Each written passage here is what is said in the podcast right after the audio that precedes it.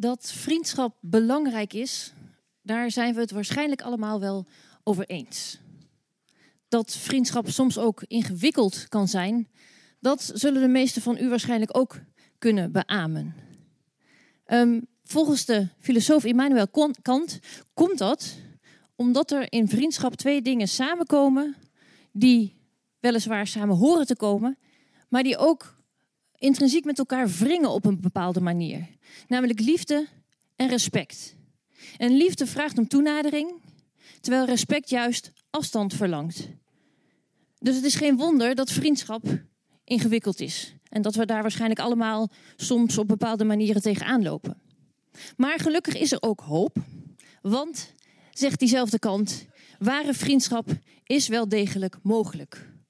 Hoe dan en wat dan en hoe dat precies zit, daarover hoort u zo dadelijk meer van Donald Loze, theoloog en filosoof uh, en Kant-expert. Hij is emeritus hoogleraar wijsbegeerte aan Tilburg University en de Erasmus Universiteit in Rotterdam. Hij geeft zo dadelijk een lezing van ongeveer 40 minuten en wordt daarna geïnterviewd door filosoof Willem van der Kuilen. En natuurlijk is er ook in dit programma, in dit, die drie kwartier die het interview en de vragen uit het publiek duren, uh, ruimte voor uw eigen vragen. Dus mocht u tijdens de lezing denken, daar wil ik nog eens wat meer over weten, dan slaat u dat alvast op. Fijn dat u hier vanavond allemaal bent. Mijn naam is Liesbeth Jansen. Ik ben programmamaker bij Radboud Reflects. Ik wens u heel graag een boeiende avond en geef het woord aan Donald Loze.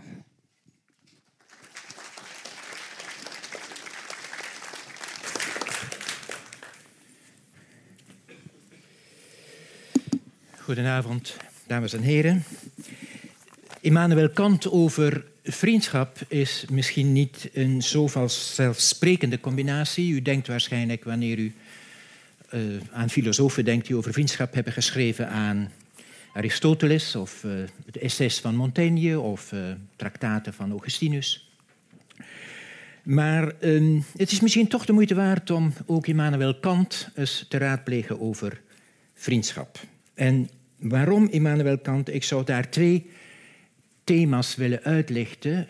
Waarom ik denk dat er bij Kant iets specifieks wordt over vriendschap ingebracht.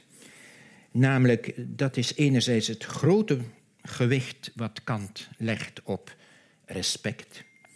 En dat respect is in zekere zin die afstandelijkheid waarin het, waarover het in de vriendschap ook altijd gaat. En het tweede thema is dat Kant ons duidelijk maakt dat vriendschap niet van de orde is van het weten wat er dan aan de hand is, maar dat het in belangrijke mate en misschien wel exclusief een zaak is van vertrouwen. Dat zijn de twee thema's waarom ik denk dat het in onze huidige tijd eh, interessant zou kunnen zijn om bij Kant even te raden te gaan. Ik geef een kort citaat.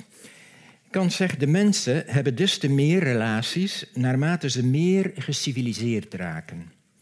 De geciviliseerde burger wil overal welkom zijn zonder een bijzondere band te hebben. En ik denk dat onze tijd in zekere mate het risico loopt in die hooggeciviliseerde cultuur, waarin dus contacten en relaties zo makkelijk zijn, er een overvloed van contacten en van relaties is, zonder dat we eigenlijk voldoende intiem of zonder dat we voldoende fundamenteel met elkaar in contact komen. Eh, Kant wijst ook op het feit dat eigenlijk een vriendschapsrelatie zelfs fundamenteel getekend is door het respecteren van een vorm van geheim. Ehm, er is een dimensie in de vriendschapsrelatie die eigenlijk niet gekend of geheel begrepen kan worden. Eigenlijk zei uh, Montaigne dat ook al in zijn essays, wanneer hij zei: Waarom ben ik bevriend met mijn beste vriend Etienne de la Boétie? Parce que c'était oui, parce que c'était moi. Omdat hij het was, omdat ik het was. En als ik dat moet uitleggen, wat dat dan precies is, dat is voor ons beiden eigenlijk niet helemaal inzichtelijk. Het heeft natuurlijk alles te maken met de filosofie van Kant zelf, die zich niet laat reduceren tot de verschijnende vorm van onze existentie, tot de fenomenale, tot de empirische, de constateerbare dimensie van het menselijk bestaan.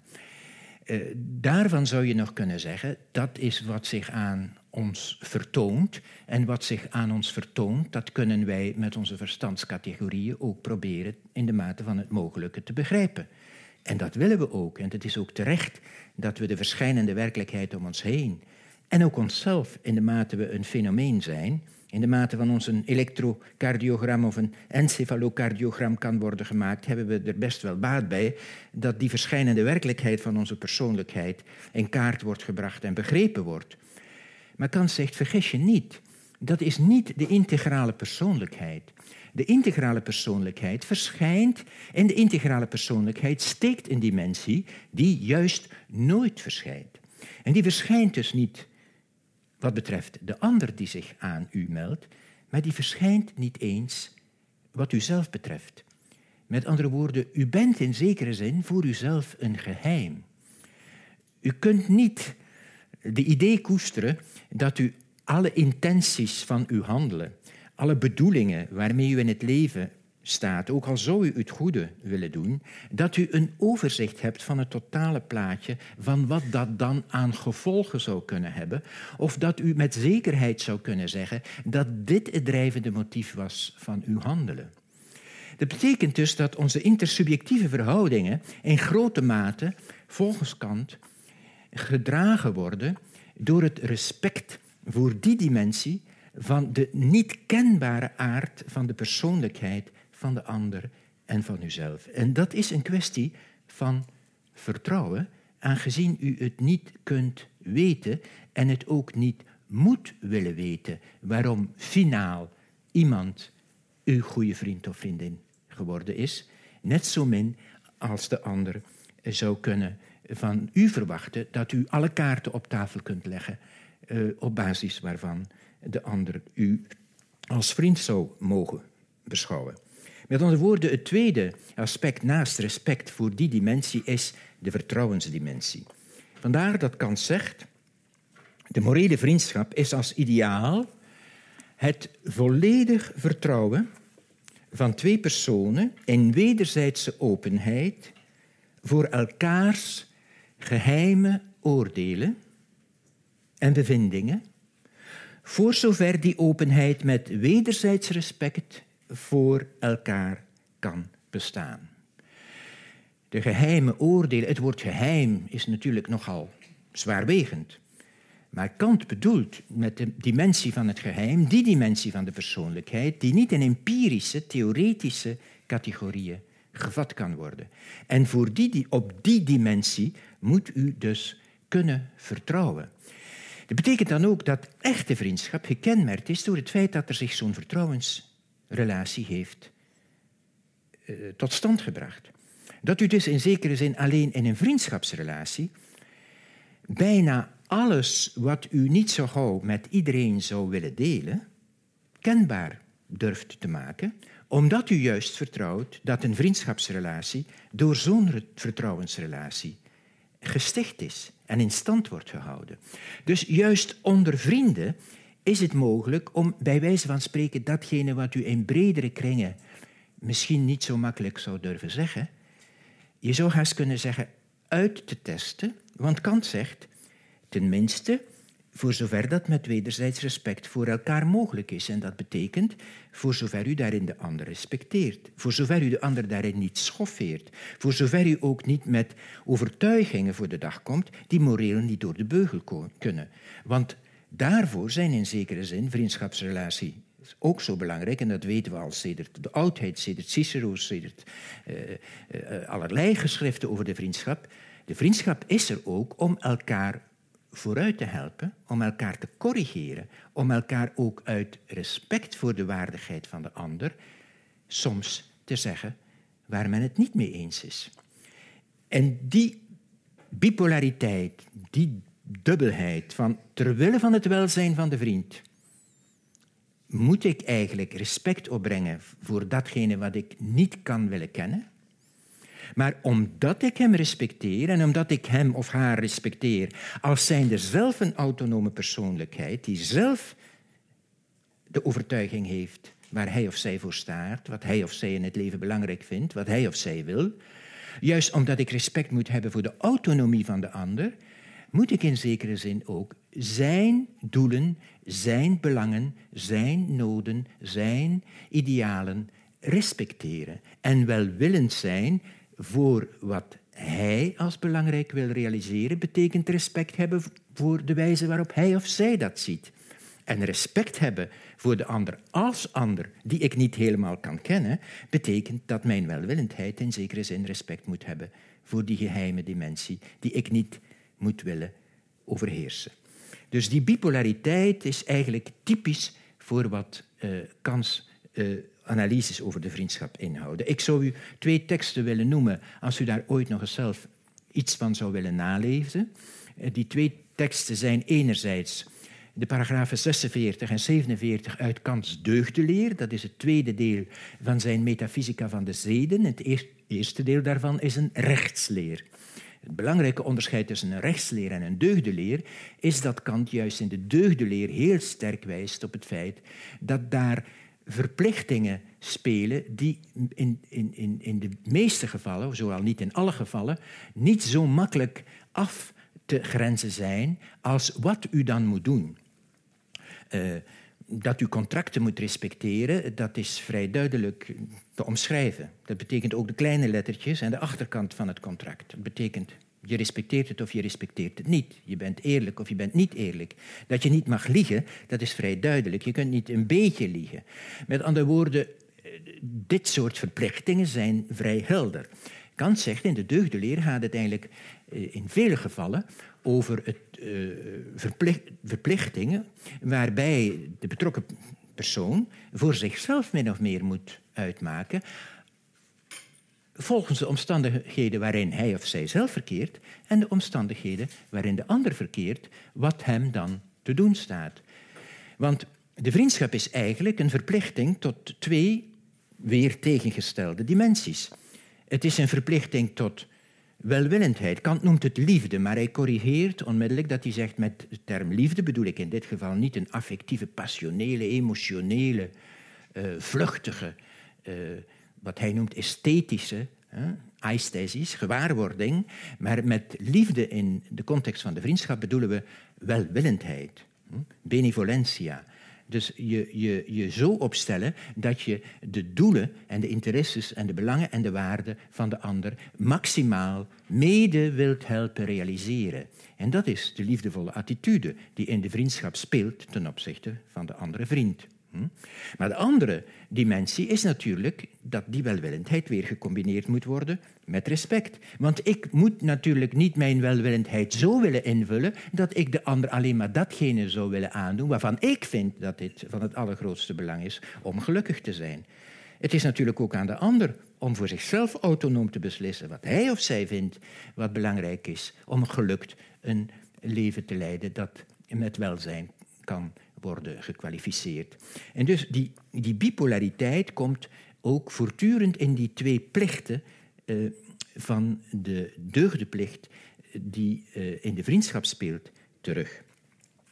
Vriendschap in haar volmaakte vorm beschouwd is de vereniging, zegt Kant, van twee personen door gelijke wederzijdse liefde en respect. Hm? Gelijk wederzijds welwillendheid en gelijk wederzijds respect. Nou, dat is natuurlijk een hele problematiek. Want hoe wil je dit nu in godsnaam bepalen? Hm? Bovendien hebben we hier al meteen twee keer het probleem van gelijk. Namelijk, beide partijen moeten beide gelijk opbrengen en liefde en respect, waarvan ze zelf ook nog eens een keer van die beide in gelijke mate hetzelfde moeten respecteren. Nou, u ziet, empirisch kom je hier nooit uit factisch, theoretisch, kenbaar. Je kan zeggen, daar gaat het ook niet om. Ik, ik heb toch duidelijk willen maken dat het gaat om vertrouwen. En ik heb toch duidelijk willen maken dat er iets van een onkenbare dimensie speelt in die relatie. Dus wanneer ik het heb over een gelijke wederzijdse verhouding van beide partijen op twee dimensies die beide gelijk moeten gerespecteerd en in praktijk worden gebracht, dan kunnen we niet verder willen vragen dan waren beide partijen daartoe bereid en was dat wat ze wilden? hebben ze dat beoogd? Was het hun intentie? Dat betekent dat ik respect moet hebben voor het feit dat ik die beoogde intentie van mijn vriend niet moet willen kennen. Want die kan ik niet kennen. Ik kan zien wat hij doet. En ik zal wel sporen van de intentie min of meer kunnen herkennen. En ik zal op basis van wat iemand doet wel gissingen kunnen maken waarom hij doet wat hij doet. Maar de eigenlijke intentie kan ik niet willen kennen. En dus kan ik dat ook zelfs van mezelf niet altijd met zekerheid weten. Zou ik toch niet ook buiten die zuivere vorm die Kant dus het ideaal van de liefde noemt en de vriendschap en dus het respect en de welwillendheid, zou er daarbuiten niet altijd andere dimensies van de vriendschapsrelatie die niet tot die zuivere dimensie behoren meespelen? Vast wel. Maar hoe wil ik weten wanneer dat het geval is en wanneer niet? Dus voor een goed begrip moet ik u ook op wijzen dat de analyses van Kant een ethiek van de vriendschap zijn, een deugdeleer van de vriendschap. Met andere woorden, iets waartoe ik mij verplicht acht. Dit is geen descriptieve uh, psychologie, dit is geen zelfhulpboekje, dit is geen uh, uh, analyse van hoe vriendschap zo'n beetje tot stand komt, hoe vriendschap evolueert, hoe vriendschap beter wordt. Kant zegt waar ik u mee wil confronteren is dat aan de basis van de vriendschap er iets ligt wat van een andere orde is met een moeilijk technisch woord, de nominale, de niet-empirische, de niet-fenomenale dimensie, de niet-verschijnende dimensie van de menselijke persoonlijkheid. En daar hoort in zekere zin die uh, intentie toe. Want die intentie die heeft te maken met de vrijheid. En die heeft te maken met de keuzevrijheid die iemand heeft. En die heeft te maken met de wijze waarop iemand zijn vrijheid wil invullen. Wil hij die invullen als willekeur? Vandaag zo, morgen anders. Of willen die invullen volgens een bepaald principe van coherentie. Een bepaald idee van wetmatigheid. Een bepaald idee van universaliseerbaarheid van het gedrag. Zodanig dat voor Kant uiteindelijk, wanneer vrienden met elkaar aan elkaars persoonlijkheid participeren, ze eigenlijk participeren aan die nominale dimensie, aan die onkenbare dimensie van de morele intentie van de welwillendheid en het respect. En dat is uiteindelijk de finale dragende kracht voor Kant van de vriendschap. En daarom dat Kant ook wel de klassieke onderscheiden hanteert hm, tussen uh, vriendschap uit nut, hm, vriendschap uit belang, vriendschap uh, uit behoefte, uh, uit nood, vriendschap onderhouden in de hoop dat als je ooit in de problemen zit, eh, geholpen zult worden. En dat is natuurlijk niet de kern van het betoog volgens Kant van de vriendschap. Hm? Je hebt ook vriendschap die te maken heeft, zegt Kant, die eigenlijk alleen maar afgeleid vriendschap kan worden genoemd. Dat is namelijk maatjes, hm? die bevriend zijn omdat ze dezelfde interesses hebben. Maar die vriendschappen verdwijnen ook als die interesses verdwijnen. Als een van de partijen niet meer geïnteresseerd is in voetbal of opera, nou ja, dan verwatert de relatie ook. Die dimensies spelen natuurlijk allemaal wel mee, maar ze blijven voor Kant uh, in zekere zin alleen maar een waardevolle menselijke vriendschapsrelatie die met de persoonlijkheidsdimensie van de mens te maken heeft wanneer ze gebaseerd zijn op dat bipolaire, uh, tweeledige uh, fundament van toenadering en distantie, wat dus betekent welwillendheid, liefde en respect. Laat ik dan die twee dingen een beetje meer uitwerken. Vriendschap uit toenadering. Uh, je zou kunnen zeggen, dat is natuurlijk waar we spontaan meestal aan denken. Hm? Uh, vele vriendschappen zullen inderdaad wel ontstaan omdat er een gemeenschappelijk belang is. Uh, misschien word je met iemand bevriend omdat je dezelfde studies doet en informatie uitwisselt, uh, door de stof heen met elkaar probeert op die manier te komen. Er is een zeker interesse, een zeker, zeker nut, een zeker belang bij dergelijke relaties. En er is dus in die zin, zegt Kant, een vorm van liefde. Eventueel liefde voor het gedeelde gemeenschappelijke onderwerp, dat zijn de maatjes. Maar eventueel ook liefde in de zin van welwillendheid, je wilt best wel ook de ander verder brengen, verder helpen, zoals de ander jou stimuleert en verder brengt. Kant zegt, um, dat is, daar, zit niets uh, louter passiefs in, in een dergelijke vorm van liefde. Hoe zou u bijvoorbeeld de vriendschap kunnen als een deugden plicht willen zien en daarin het aspect liefde willen meenemen, als u de liefde als een louter affectieve, passionele, emotionele dimensie zou zien. Je kunt iemand toch niet verplichten tot liefde, of iemand verplichten iemand lief te hebben. Dus wanneer we het in de vriendschap over liefde hebben, zegt Kant, moet dat van de orde van een rationele welwillendheid zijn, namelijk liefde in de zin van je volledig inzetten, enthousiast, met sympathie, voor het feit dat je de belangen en de doelen van de ander behartigt. Maar dat is natuurlijk al een rationeler vorm, dat is al een zakelijker vorm van omgaan met die toenadering. Bovendien, die affectieve liefde, die is zeer kwetsbaar. En die is eigenlijk ook altijd belaagd door een vorm van hebberigheid. Hm? Mijn vriend is van mij. Of in de liefde is dat al, helemaal. Denk aan de roman à la chaise du temps perdu van Proust, alle analyses van hm, Swan ten opzichte van Odette. Het komt eigenlijk neer op jaloezie. En jaloezie in de Franse betekenis van het woord, dat is niet alleen maar uh, jaloers zijn omdat men ook wil hebben wat iemand anders heeft, maar jaloezie in de zin van hebberigheid. Hè. Zoals men jaloers kan zijn op zijn geld, jaloers kan zijn op iets wat men zelf heeft gedaan en waar iemand anders niet mee moet aan de haal gaan. Hè. Jaloezie in de zin van het, het, het, willen, het willen voor zichzelf hebben. Hm. Um, dat, soort, uh, dat soort affecten zijn dus eigenlijk in die zin, zegt, zegt Kant, zeer, staan open voor zeer veel belagingen. En wanneer ik het hier over welwillendheid en liefde heb in de vriendschap, dan bedoel ik iets wat eigenlijk redelijker, rationeler is. Namelijk, ik bedoel dat je met welwillen de interesses van de ander wilt begunstigen. Er speelt een probleem van gelijkheid in de vriendschap. Gelijkheid en ongelijkheid. Uh, een kopie conform van uzelf zal niet lang boeien. Iemand die het voortdurend met u eens is of iemand die u voortdurend naar de mond praat, zult u niet waarderen als de meest waardevolle vriend. U verwacht van vrienden ook correcties.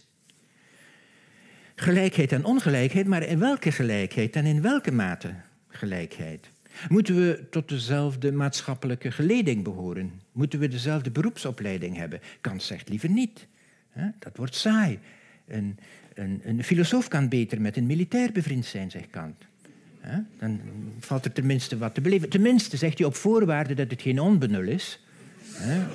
Dat je toch een gesprek, dat je toch een gesprek kunt voeren. Uh, en je moet van vrienden natuurlijk toch ook mogen hopen dat ze ook weten wat ze met derden kunnen delen. Hm? En wat het geheim is wat je onderling, onder elkaar als vrienden met elkaar deelt. Maar het is een van de grote problemen. Want jouw vriend is natuurlijk ook weer bevriend met andere vrienden en die is weer verplicht tot eenzelfde gelijkwaardige welwillendheid en respect.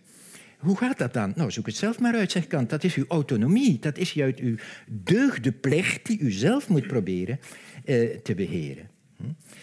Um, dus niet uh, maatschappelijk gelijk, niet uh, sociaal gelijk, uh, Kant heeft een mooi voorbeeld in de kritiek de praktische vernoemd waar het hem om gaat. Uh, hij citeert Fontenelle, een, uh, een wat vrijdenker uit de dagen voor de Franse Revolutie. En Fontenelle zei: Als ik een man van adel ontmoet, dan buig ik wel.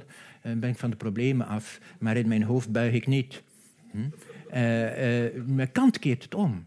Kant zegt: ik, ik, ik, ik kom een gewone man tegen en uh, niets in mij zou mij waarschijnlijk neigen met veel respect te buigen, maar in mijn geest buig ik wel. Ik moet buigen voor ieder ander. Dus de gelijkheid bij Kant is het respect voor de waardigheid van iedere mens als mens. Hij heeft er trouwens een mooie uh, citaat in zijn nagelaten papiertjes uh, daarover, dat hij zegt, eigenlijk heb ik dat van Rousseau geleerd. Ik ben, ik ben, heel lang een wetenschapper geweest die zichzelf ver verheven boven de gewone volk achtte. Uh, maar Rousseau heeft me geleerd dat de gewone man zeer nobel kan zijn en dat je respect moet hebben voor uh, de morele fijngevoeligheid van iemand die maatschappelijk daarom nog niet zoveel voor hoeft te stellen. Dus de gelijkheid voor Kant is in zekere zin weer de gelijkheid van die niet-empirische, nominale, die, die, die niet verschijnende dimensie van de menselijke waardigheid en de menselijke persoonlijkheid. En Kant heeft zich in die zin altijd opgeworpen als uh, uh, een, een verzet tegen wat in zijn tijd in de maatschappij opkwam, namelijk het meer en meer utilitair gaan denken. Meer en meer gaan denken in, in nuttigheid, meer en meer in termen van calculus. Hoeveel investeer ik, hoeveel krijg ik terug? Ik kan zeggen, als u de menselijke persoon op die manier beschouwt, dan hebt u eigenlijk absoluut niet begrepen wat de menselijke persoon is. Um, vandaar dat uh, voor Kant eigenlijk de vriendschap als deugdeplicht ook niet zo makkelijk te vangen is in protocollen of in regels of in items waarvan u denkt, nou als ik me zomaar zou gedragen, dan zit het goed. Uh, dat, dat valt niet in dergelijke termen uh, te catalogeren.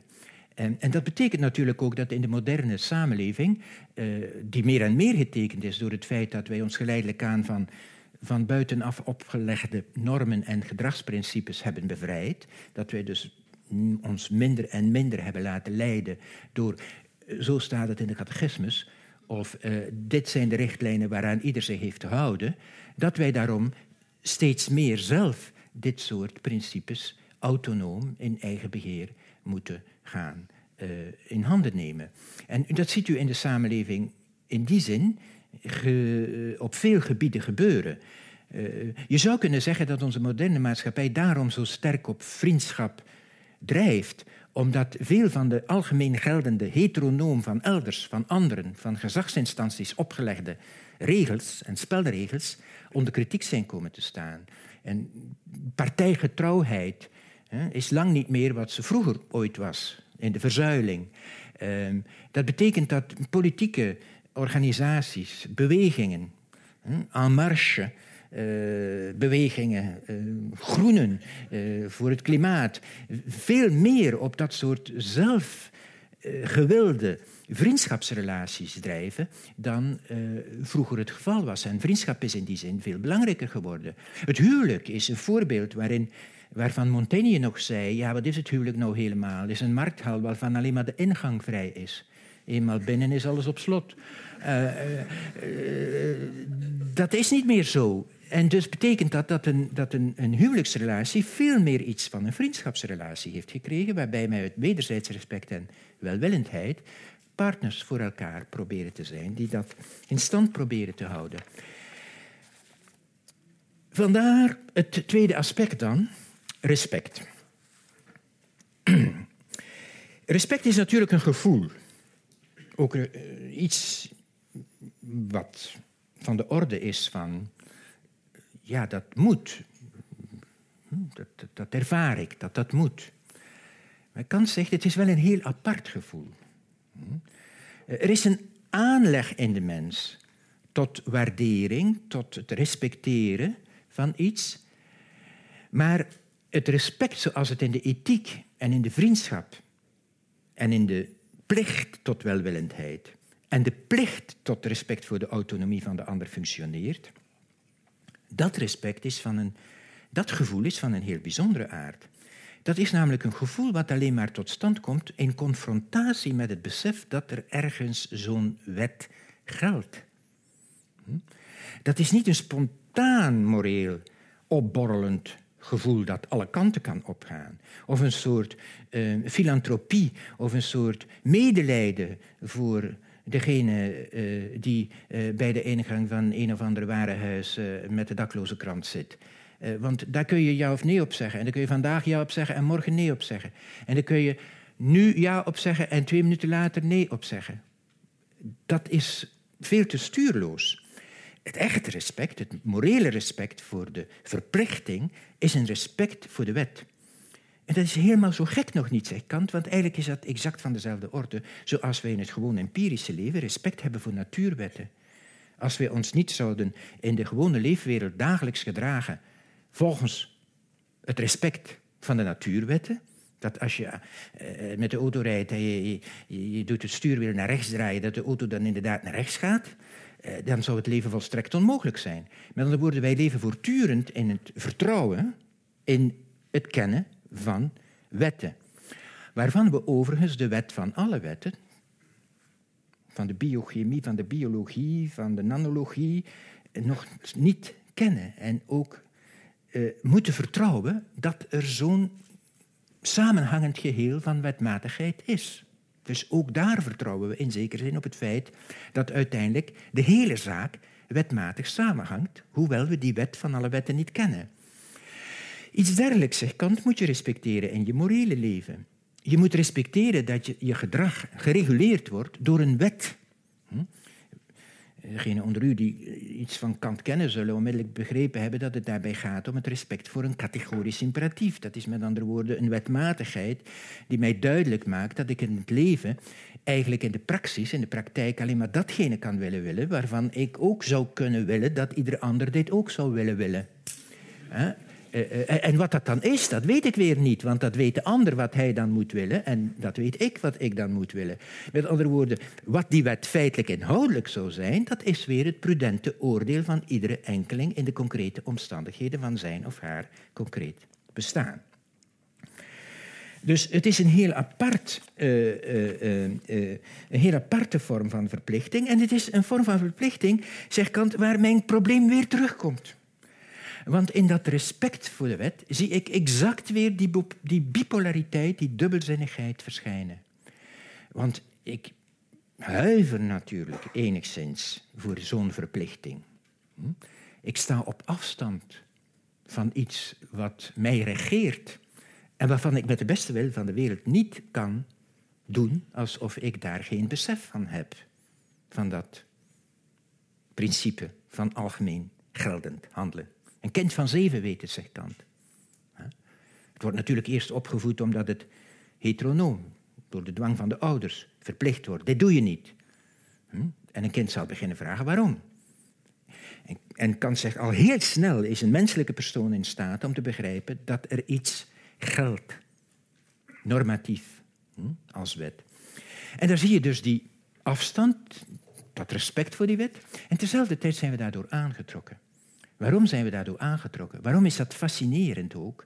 Waarom hebben we die wet in zekere zin lief? Hm? Omdat die wet ons namelijk onze vrijheid duidelijk maakt. Want als ik willekeurig vandaag zo, morgen zo, volledig impulsief, volledig ten gevolge van mijn genenplaatje of van mijn hormonen gedoe in mijn lijf alleen maar zou handelen, dan zou ik een volstrekte puppet string zijn, die in zekere zin geleefd wordt. En zou mijn leven volstrekt zinloos zijn. En als ik in alles alleen maar nut zou zien en calculus zou zien en iets hebben bereikt wat ik wilde, dan zou zich telkens weer de vraag stellen, en nu u dit hebt bereikt, wat nu? Hoe nu verder? Met andere woorden, Kant zegt, er moet ergens een principe zijn wat onvoorwaardelijk geldt en waarvoor we het ook onvoorwaardelijk allemaal doen. En waarvoor we het ook allemaal onvoorwaardelijk doen, betekent dat er ergens een einddoel van de menselijke bestemming moet zijn. Een zwek aan zich, een doel dat doel op zich is en niet meer begrepen kan worden, als ook weer een middel voor weer een verder gelegen doel. En dat einddoel, dat is, zegt Kant, het respect en het welzijn Hm? Dat is, de, voor de, en dat is het, het, het, het je inspannen voor en het respecteren van de waardigheid van iedere persoon. Vandaar dat Kant een heel historisch verlichtingsproces heeft, waarin hij hoopt dat de geschiedenis van de cultuur in de richting zal gaan van een zo respectvol mogelijk met elkaar omgaan op zoveel mogelijk niveaus, waarin mensen dan ook zo gelukkig en welvarend en tevreden met elkaar in harmonie zouden kunnen leven. Dat is de weg naar de eeuwige vrede. Tsum. Hm? Uh, hij maakt daar soms een, een, een, allusie op wat hij ooit bij Leibniz heeft gelezen. Dat, dat Leibniz ooit in Nederland gelogeerd heeft in een eh, herberg recht tegenover een kerkhof. En dat heette In de eeuwige vrede. Ja, kan, Dat daar de eeuwige vrede heerst, recht tegenover een kerkhof, dat kan ik me voorstellen. Dus, uh, maar wij zijn op weg naar. Met andere woorden, wij zullen altijd leven in die spanning, in die ongezellige gezelligheid, in de ongemeenschappelijke gemeenschappelijkheid. In de gemeenschappelijkheid van iets wat we niet gemeen hebben, niet gemeenschappelijk hebben. En in de, in de frictie van het je eigen autonome zelf willen beschermen en toch de behoefte en de nood hebben om dat met anderen te kunnen delen. En de meest concrete manier waarop dat maximaal idealitair al kan lukken, dat kan natuurlijk niet met heel de wereld lukken. Zo'n cosmopolitische wereldorde van universele wereldvrede, daar zijn we zoom naar op weg. Kan zeggen, als dat het geval zou zijn, dat iedereen zich zo zou opstellen, dat hij of zij zich zo zou gedragen, dat zou het Rijk Gods op aarde zijn. Maar ja, dat zou meteen het einde van de geschiedenis zijn. Uh, dus voorlopig zitten we in de toestand waarin dat Rijk Gods niet zo gauw zal komen. Hm? En waarin we dus zullen moeten, met de middelen waarover we beschikken, proberen dat dichterbij te brengen. Dat is een rechtsfilosofie, dat is een geschiedenisfilosofie, politiek filosofie. Maar dat is nu ook al heel intens idealitair, de, de uh, uh, vriendschap. Waarbij we dus, als we respectvol zijn, datgene moeten respecteren waarover ik het in het begin had. Namelijk, vrienden, die zijn exclusief, inderdaad. Wie met iedereen vriend is, ja, die is misschien met niemand echt vriend. Hm? Dat is iemand van Facebook die er duizend en zoveel heeft, maar met niet één van die duizend en zoveel echt iets heeft. Wie Aristoteles, hm? de manier waarop men Aristoteles meestal interpreteert. Uh, meestal niet interpreteert, maar, de juiste lezing van Aristoteles. Hè? Niet, oh mijn vriend, er zijn geen vrienden, maar uh, diegene voor wie iedereen vriend is, die heeft geen enkele echte vriend. Hm?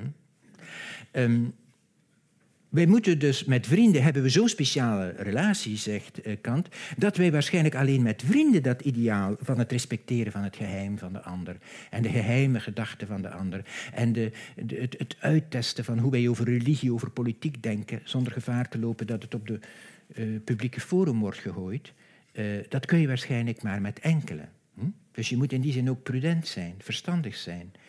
En je moet ook een beetje inschatten met wie je zelf wil bevriend zijn. Dat zo'n iemand u niet aan de galg praat wanneer de vriendschap uit is. En alles publiek maakt wat niet voor groot publiek bedoeld was.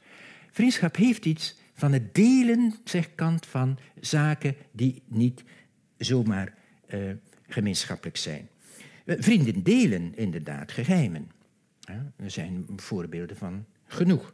Eh, ik zou u één voorbeeld willen kunnen noemen, bijvoorbeeld Montaigne en La Boétie.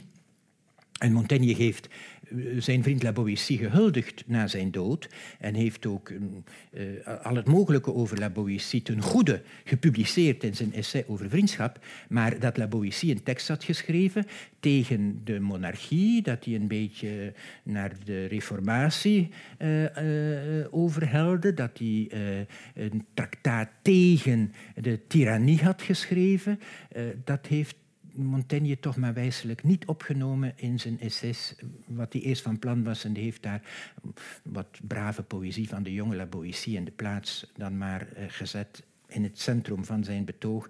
En dit is mijn goede vriend waarmee ik wil huldigen wat hij ook geschreven heeft, zegt uh, Montaigne. En Montaigne vindt het prudent om die andere tekst maar niet te noemen. Hm?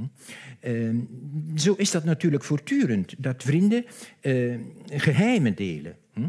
Maar geheimen delen uh, waarbij ze toch ook een geheim blijven voor elkaar. En dus eigenlijk toch niet altijd kunnen denken of willen denken dat ze daarmee binnendringen in alle overtuigingen van de ander. Uh, denk aan Schillers grote drama van Don Carlos, waarbij uh, Don Carlos bevriend uh, met de markies van Posa de opstand van de zuidelijke Nederlandse gewesten, de Vlaamse gewesten, wil mm, verdedigen tegen de tirannie van de Spaanse kroon. En dus eigenlijk Carlos, de erfgenaam, ziet als degene die daar als regent zou kunnen komen. En zij praten daarover met elkaar en dat is de intentie van hun vriendschap. En dat is waarom ze met elkaar in zekere zin bevriend zijn, omwille van dat project.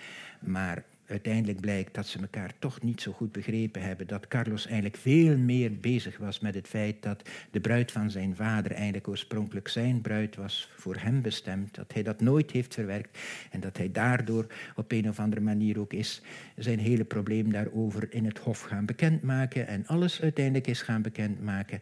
En dan blijkt dat Carlos en de markies van Poza uiteindelijk wel zo close met elkaar waren, maar uiteindelijk elkaar toch nog niet zo goed hadden begrepen zoals ze dachten dat dat het geval was. Vrienden hebben geheimen, vrienden delen geheimen, maar, vriend, maar vrienden blijven ook geheimen zijn voor elkaar. En dat moet u misschien wel respecteren, zegt Kant, want u moet ook respecteren dat u voor uzelf een geheim bent. Zoals ik al eerder heb gezegd, wij kunnen niet willen weten of wij op alle punten de welwillendheid, het respect zo hebben in praktijk gebracht zoals het ideaal uiteindelijk van ons verwacht. Nou, de aanleiding voor deze avond was eigenlijk dat ik dus een, een, een boek heb gemaakt over vriendschap, die twee paragrafen en de andere tekst die zeer belangrijk is, wel ook in de geschriften van Kant, is zijn college notas, die dus altijd jarenlang door Kant gedoseerd werden en waarvan uh, notulen uh, door uh, studenten bewaard zijn. Waarschijnlijk is wat ons nu bekend is eerder een compilatie van meerdere notulen van meerdere studenten die dan tot een soort handboek onderhands functioneerde voor de studenten. Kant was ook iemand die wel college gaf met een handboek, maar daar ook voortdurend van afweek. maar met die notulen van studenten zien we ook hoe Kant uh, zelf in zijn colleges, vrijwel altijd zijn colleges over ethiek, naar de laatste colleges toe afronden met beschouwingen over uh, vriendschap. En beschouwde hij dus blijkbaar zeer belangrijk. En wat ik in het boek heb gedaan, is dus ook die passages over de vriendschap proberen te plaatsen in het hele oeuvre van Kant. In wat Kant noemt zijn architectuur van de vrijheid. zijn geschiedenisfilosofie, zijn politieke filosofie, zijn esthetiek. Want ook de esthetiek, of we nou man of vrouw zijn, maakt dat nou verschil uit, zegt Kant. Nou ja, in die noemendiale dimensie natuurlijk niet. Hè? In de niet verschijnende dimensie, in de, in, de, in de verplichtende orde van de deugdeplicht van respect en welwillendheid, daar geldt gewoon die absolute plicht welwillend en respectvol te willen zijn. Maar toch, zegt Kant, uh, uh, zijn vrouwen meer voor de esthetiek van het schone geneigd en mannen meer naar het sublieme. En het sublieme heeft dan meer te maken met uh, dat je strijdvaardig tegen geweld moet kunnen ingaan. De militair en de strijder. Vrouwen hebben iets meer van de harmonie, zegt Kant. Ik wil mij daar niet te veel aan wagen, zegt Kant, want dat soort beschouwingen zijn meestal zeer particulier en het gaat er niet over wat ik daarvan vind. En je ziet ook hoe hij voortdurend eigenlijk probeert daarvan los te komen. En dat is ook heel goed begrijpbaar, want bij Kant zijn natuurlijke voorgegeven dimensie is natuurlijk nooit beslissend voor de moraal of voor de ethiek of voor een deugdeplicht. Met andere woorden, waar het eigenlijk om gaat, moet van een andere orde zijn. Want de deugdeplicht tout court, zegt Kant, is van de orde van de esthetiek, van de harmonie. Want de rechtsleer is veel meer van de orde van het sublieme. Tegen onrecht ingaan. Dus die scheidslijnen lopen ook behoorlijk door elkaar. Ik ga afronden, denk ik, want het is min of meer tijd. Ik zou u nog één tekst willen noemen, waarbij u ook kunt zien hoe gevaarlijk het eventueel is, of hoe, wat een opgave het is, om die twee dimensies samen te houden. Afstand houden van elkaar, respect, en terzelfde tijd eh, welwillend zijn. Of de dimensie dus van het geluk van de ander willen uh, uh, zoveel mogelijk realiseren. En tezelfde tijd de ander de ander laten die zelf beslist waarin dat geluk dan ligt. Of ook het conflict van de empirische orde, waarin ik uiteindelijk dan toch moet kennis van zaken hebben over de omstandigheden waarin mijn vrienden verkeren. En een beetje kennis van zaken wie ik zelf ben wat mijn karakter is, waar ik geneigd ben de verkeerde kant op te gaan, waar ik moet opletten dat ik niet doorschiet in uh, emotionele uh, kenmerken. Iedereen heeft zijn temperament. En toch zijn we allemaal geroepen om met dat zo verscheiden temperament onze vrijheid te cultiveren. En dat is de hele opgave van het mens zijn. En Kant zegt, en die is zelf van de orde van het sublieme, want die wringt. Je moet je verzetten tegen de neigingen die vanzelf in je opkomen. En je moet ze min of meer besturen, ordenen.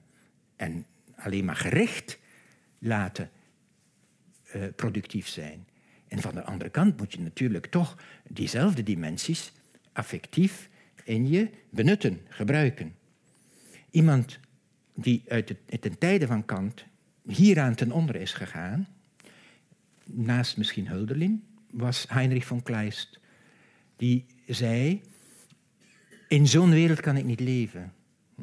Waarbij ik enerzijds geregeerd word door natuurwetten en affecten en emoties en passies die ik niet in mijn bezit heb, in mijn macht heb, en anderzijds geroepen ben tot de vrijheid. En hij heeft een prachtige tekst, als u die ooit op het spoor komt, beveel ik u aan om die te lezen. Hij schetst daarin heel kans opgave. Hij zegt, ik heb ooit een gesprek gehad, de tekst heet uh, het marionettentheater. Hij zegt, ik heb ooit een, een, gesprek gehad met een marionettenspeler en die was ook een, theater, een danser. En die man speelde magnifiek met die, met die marionetten. En de hele kunst bestond erin de mechaniek van die poppen te combineren met de intentie, de gratie van het spel, wat hij bedoelde, wat die marionetten zouden moeten uitdrukken. En dat is bijna niet mogelijk. Want als u de gratie zoekt, de harmonie zoekt via de mechaniek, dan lukt het niet. En als u alleen maar de mechaniek bespeelt, dan is het ook een doodspel. Maar hoe moet ik het dan combineren? Hoe moet ik het dan...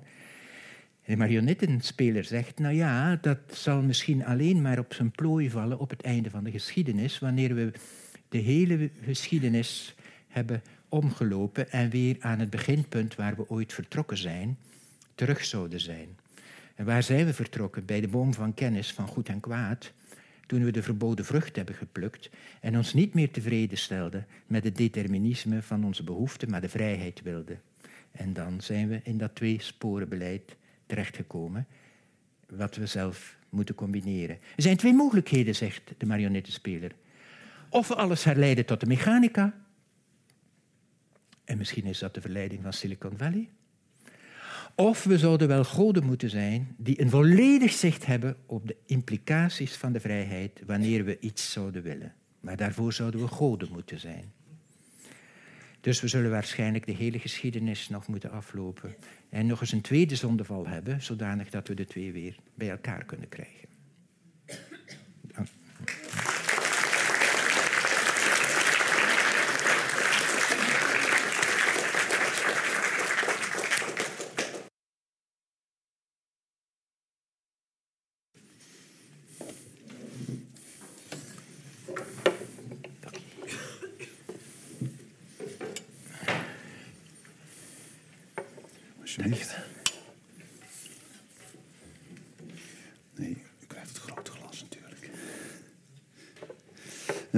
Dankjewel, Donald Loos, uh, voor deze ja, lezing. Het was geen lezing, het was een, uh, een verhaal wat u verteld heeft. maar, maar meer nog, terwijl ik zat te luisteren, een, een groots gebaar.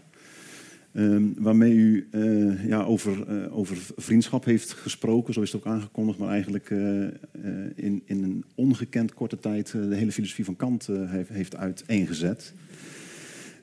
Vandaar een groot gebaar. Een apologie van de vrijheid heeft gegeven, als ik het zo mag, zo mag noemen. Als ik nou toch weer terugga naar de, naar de, naar de vriendschap, hè, dus even toch weer focus op de vriendschap. Ehm, dan, dan, dan, dan lijkt het alsof Kant zegt, nou dat is, dat is de, de manier om je te gedragen en eigenlijk de, het, het toppunt van, van wanneer je je gedraagt ten opzichte van andere mensen. Het, is ook het, tot, het komt op het, het eind van zijn leren komt het, uh, komt het aan bod als de, echt de, de, de, de, de apotheose, mag ik het zo noemen. Ja. Sluit misschien aan bij die, uh, wat, wat u net op het laatst zei. Hè? Dus een, echt een apotheose van de, van de, van de ethiek. Um, dat is één. Maar tegelijkertijd um, is het heel moeilijk om die verhouding tot anderen te vinden. En als we hem vinden, is het maar tot, tot één iemand, twee, twee mensen. Zouden we niet, hè, als je dat, het belang van die vriendschap doortrekt, toch niet met iedereen vriendschap moeten, moeten, moeten, moeten worden of moeten willen zijn? Ja. Ja, Want dan, zou je, dan, dan, zou, dan zou die ethiek echt voltooid zijn. Misschien is dat die eeuwige vrede, weet ik niet. Maar ja. Um, in die uh, tweede paragraaf op het einde van de deugdeleer um, heeft hij het daar eigenlijk over, wanneer hij het heeft over de, de mensenvriend. En uh, de filantroop, zegt hij, ehm, die is natuurlijk emotioneel, affectief, eh, eh, die is eh, sentimenteel misschien geneigd tot, eh, tot vriendschap met heel de wereld. Die, die zal geen kwaad willen doen aan zijn medemens. Eh, maar dat is nog steeds niet genoeg voor Kant. Want eh, hij zegt, let wel, daar is misschien de gelijke liefde tot de mensheid zo breed mogelijk gerealiseerd. Men wil het welzijn van zoveel als mogelijk wel bevorderen. Maar het is heel riskant dat je dan ook het respect voor alle anderen nog, respect, nog cultiveert. Met andere woorden, Kant wijst erop dat de filantropie heel gemakkelijk neerbuigend kan zijn.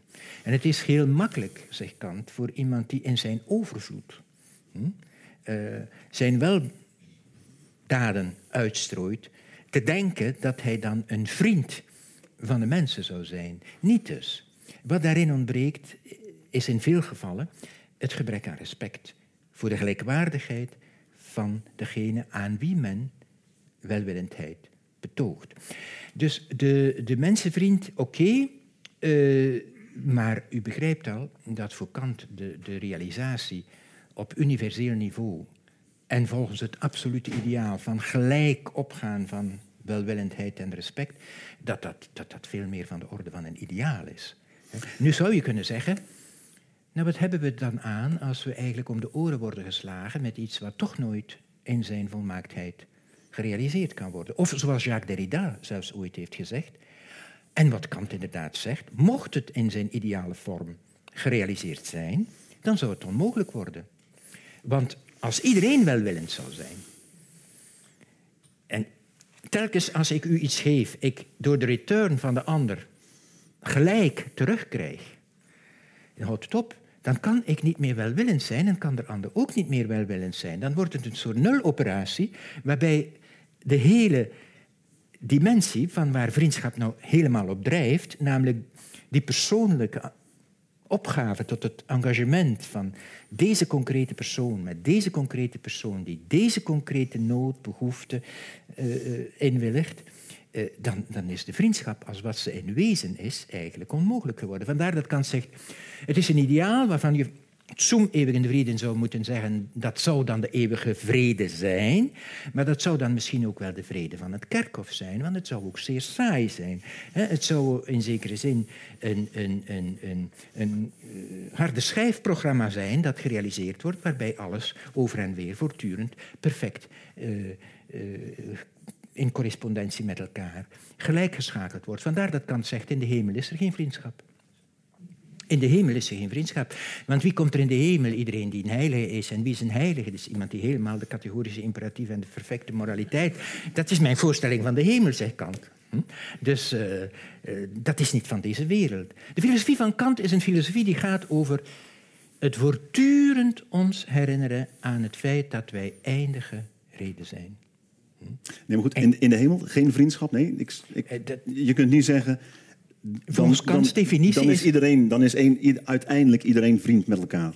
Ja, maar niet meer op, op de wijze die wij vriend zouden noemen. Dan is het volstrekte ideaal van de vriendschap gerealiseerd, maar voor ons een eindige reden is dat geen vriendschap meer. Ik moet natuurlijk in een deugdeplicht, moet ik als beperkt iemand met beperkte aanleg, met beperkte talenten, met beperkte mogelijkheden, met mijn vrienden die ook beperkte mensen zijn, proberen daar het beste te willen. Hm?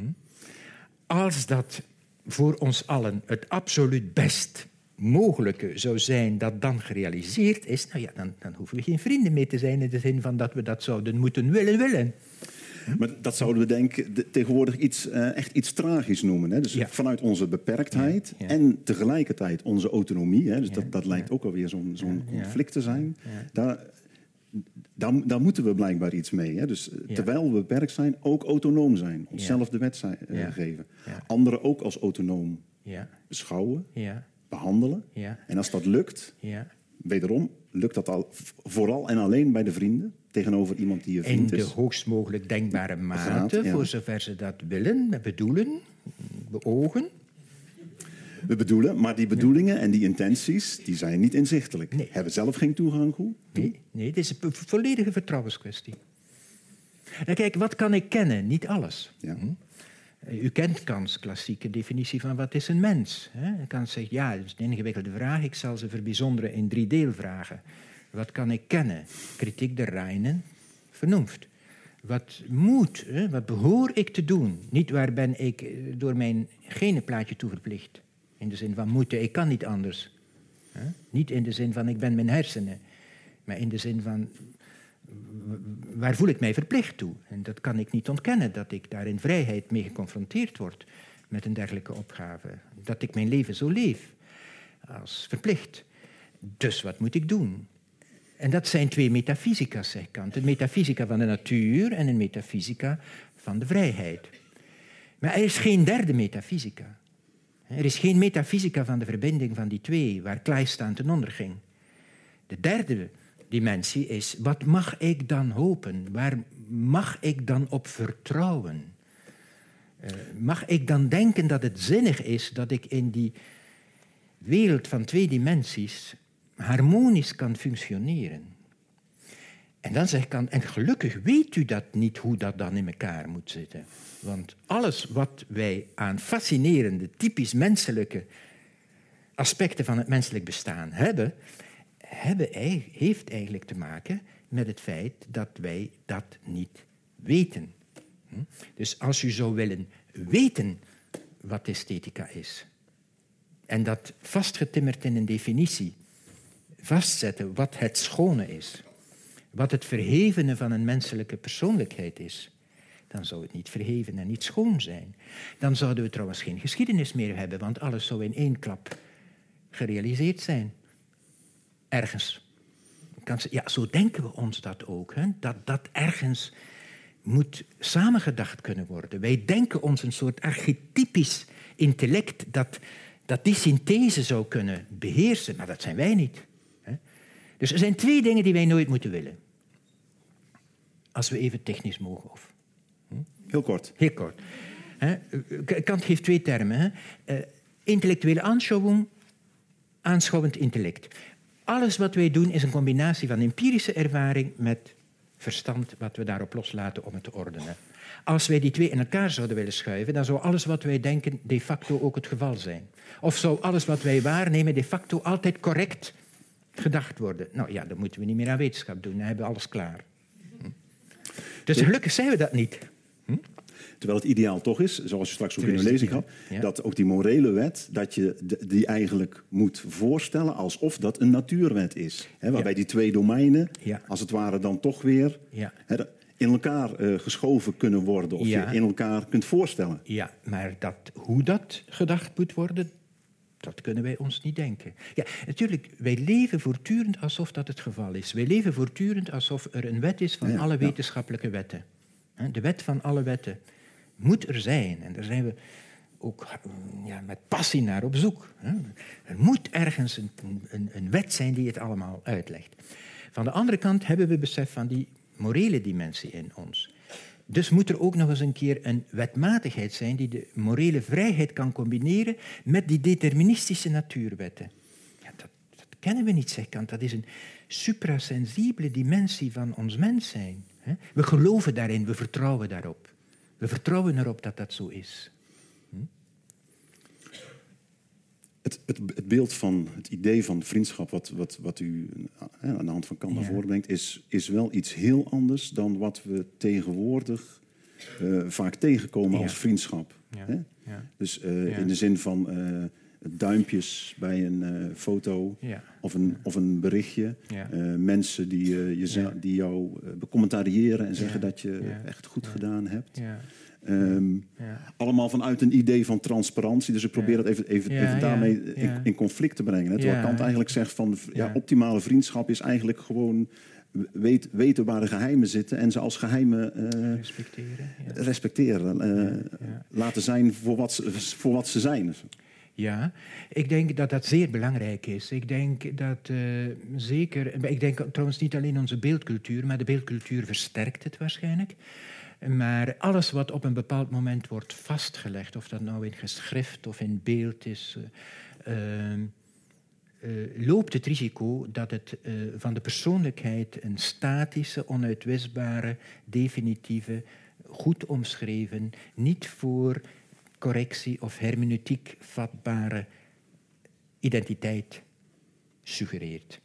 En Kant zou eigenlijk opkomen voor de noodzaak als mens uh, goed te beseffen dat wij hermeneutische, interpretatieve wezens zijn. Hè?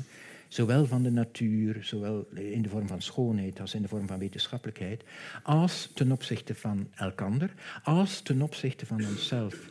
Met andere woorden, wij kunnen onszelf niet willen definiëren met een statisch, besloten identiteit. En vooral wanneer niets nog uitwisbaar is en altijd daar blijft, buiten de context waarin het ooit is verwoord of buiten de context waarin het functioneerde, is er een risico dat er in, in onze moderne cultuur een soort vals geloof gaat ontstaan dat uh, onze bestaanszekerheid ligt in het opslaan en bewaren en fixeren en, en taxeren hè, van identiteiten die op zich zijn wat ze zijn. En dat Kant zou daarvan zeggen, dan heb je dus de, die dimensie van de persoonlijkheid, hè, de vrijheid, en de voortdurende interpretatieve opgave van ieder mens, zowel ten aanzien van zichzelf, als van ieder ander ten opzichte van zichzelf, als van de interactie van die interpretatieve opgave, loop je dan mis. Dus ik denk dat het ook goed is in onze huidige cultuur op te komen voor die specifiek Kantiaanse dimensie van respect voor wat Kant dan noemt het geheim. Het voorbeeld wat u gaf is bijvoorbeeld het huwelijk. Hè? Wat op andere manieren tegenwoordig georganiseerd wordt dan alleen maar beklonken door een geestelijke of door een, uh, door een ambtenaar van een burgerlijke stand. Maar heel veel andere manieren om, daar, uh, om daarmee om te gaan. Creatiever, wendbaarder, op ieder moment weer opnieuw op te nemen als opgave. Um, ik moet zeggen, ik had, voor ik hier naartoe kwam, wat eigen intuïties over vriendschap. Ja. U heeft het hele, uh, uh, zeg maar, dit, dit, dit, dit, onderzoek aan de hand van Kant uh, gedaan. mooi boek van gemaakt. Heeft u daar iets van geleerd voor wat betreft uw eigen vriendschappen? Uh, um, dat is een lastige vraag. Ehm, ik denk dat dat een, dat is haast een cirkel ik, met ouder te worden ben ik argwanend geworden van het feit dat je bij die filosofen de mosterd haalt waar je toch al een beetje toe neigde. dus ben ik bijzonder argwanend uh, dat ik andere dimensies van de vriendschap heel ernstig moet nemen naast die van Kant. Maar ik heb er wel dit van geleerd. Uh, ik geloof, ja, ik heb er wel dit van geleerd, dat ik denk, hier zit iets wat de moeite waard is uh, onder de aandacht te blijven, ook van onze huidige cultuur. Want uh, laten we wel wezen, um, de voorstelling dat de menselijke persoon in zekere zin een zelfopgave is voor zichzelf, waaraan nooit een einde komt en waarvan je ook niet heiligheid moet verwachten, maar wel waarachtigheid en respectvol gedrag en welwillendheid, uh, die dreigt in de huidige omstandigheden eigenlijk zo overbelast te worden dat wij bijna nog meer eisen van vriendschap. Dat we bijna bewijzen willen, dat we bijna afvinken, plussen, minnen. En is dit nou nog vriendschap? Ja, Transparantie. En, transparantie willen hebben op alles. En dan denk ik, laten we onszelf niet, niet, niet nodeloos opzadelen met ergens een, een, idee van vriendschap die niet des mensen is. Dus er zit in Kant ook een bevrijdende dimensie van vrede te hebben met de eindigheid van het menselijk bestaan.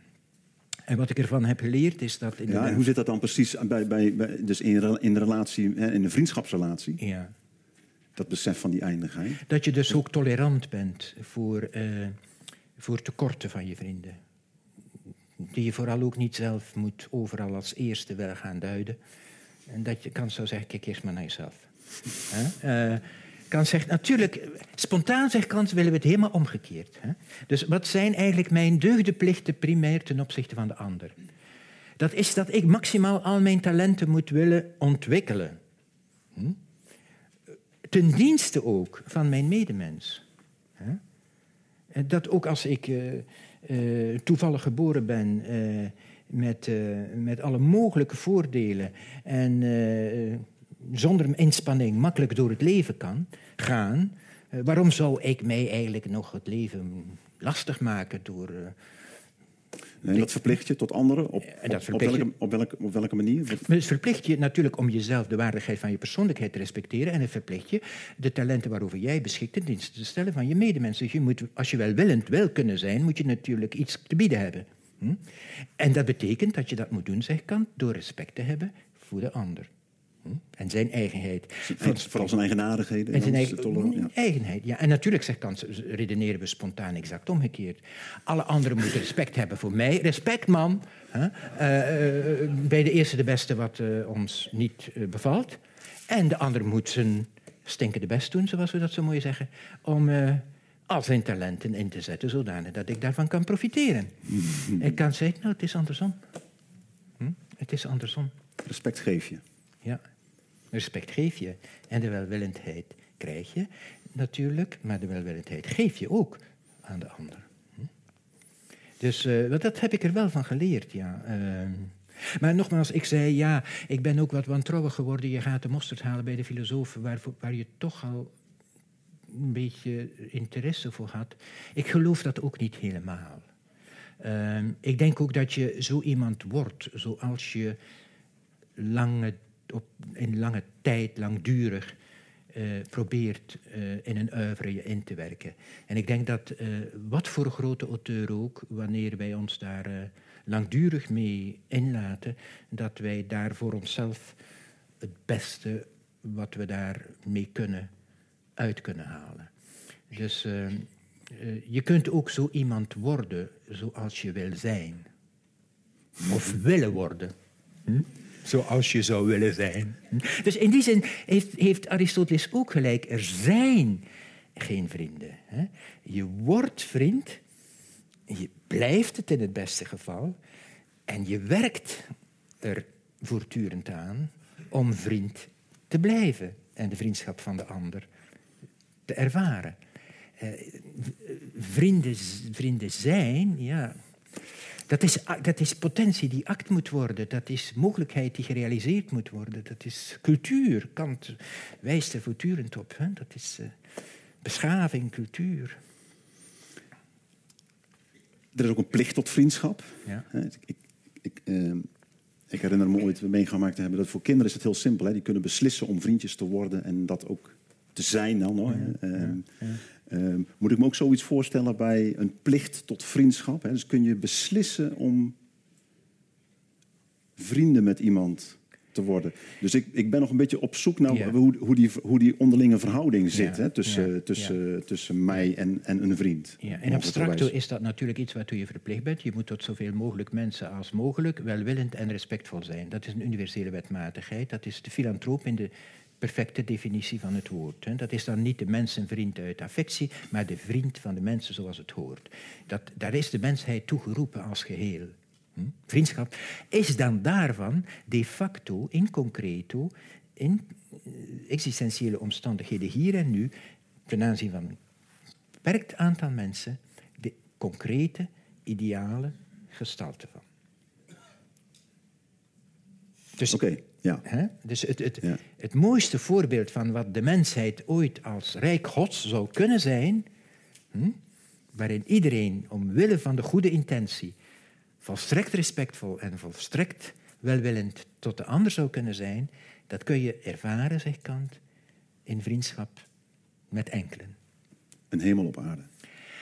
Uh, een, een, beperkt, een beperkte ja. hemel, ja, ja, in beperkte mate, voor, voor beperkte mensen. ja. Dankjewel, Donald Lozen, voor, uh, uh, voor jouw grote gebaar wat je hier gemaakt hebt. Uh, dank u wel voor het publiek dat in grote getalen is op, opkomen dagen. Ik wil tot slot ehm, even wijzen op dit boek. Dit boek is vandaag uitgekomen, echt vandaag. Ehm, de praktische filosofie van Kant. Filosofie van Kant, met als hoofdtitel Over vriendschap. Ehm, u zult daar het hele verhaal wat, uh, wat Donald Loze vanavond gehouden heeft... nog, uh, nog uitvoerig uh, terug kunnen lezen. In de gangstraat staat straks een, een kraampje waar u het kunt kopen, boek, boekentafel. Um, ik dank u voor de komst. u nogmaals bedankt. Dank en misschien tot ziens. U ook bedankt.